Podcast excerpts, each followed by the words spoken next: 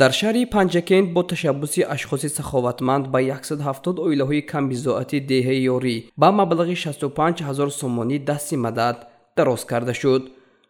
Чуноне ки кумитаи иҷроии ҳизби халқии демократии тоҷикистон дар шаҳри панҷакент иттилоъ медиҳад ин иқдом бо дастгирии вакили маҷлиси вакилони халқи шаҳри панҷакент узви ҳизби халқии демократии тоҷикистон азимҷон икромов ва бародаронаш беҳзод ва ҳакимҷон ки дар федератсияи россия қарор доранд ба роҳ монда шудааст. Бояд зикр намуд ки дар оғоз бародарон икромовҳо мехостанд ки дар деҳаи ёрӣ мусобиқаи бузкашӣ ташкил намоянд. Аммо дар пайравӣ аз ташаббусҳои неки президенти кишвар муҳтарам имомалӣ раҳмон оид ба дастгирии оилаҳои ниёзманд ба хулоса омаданд ки ин маблағро барои кори хайр сарф намоянд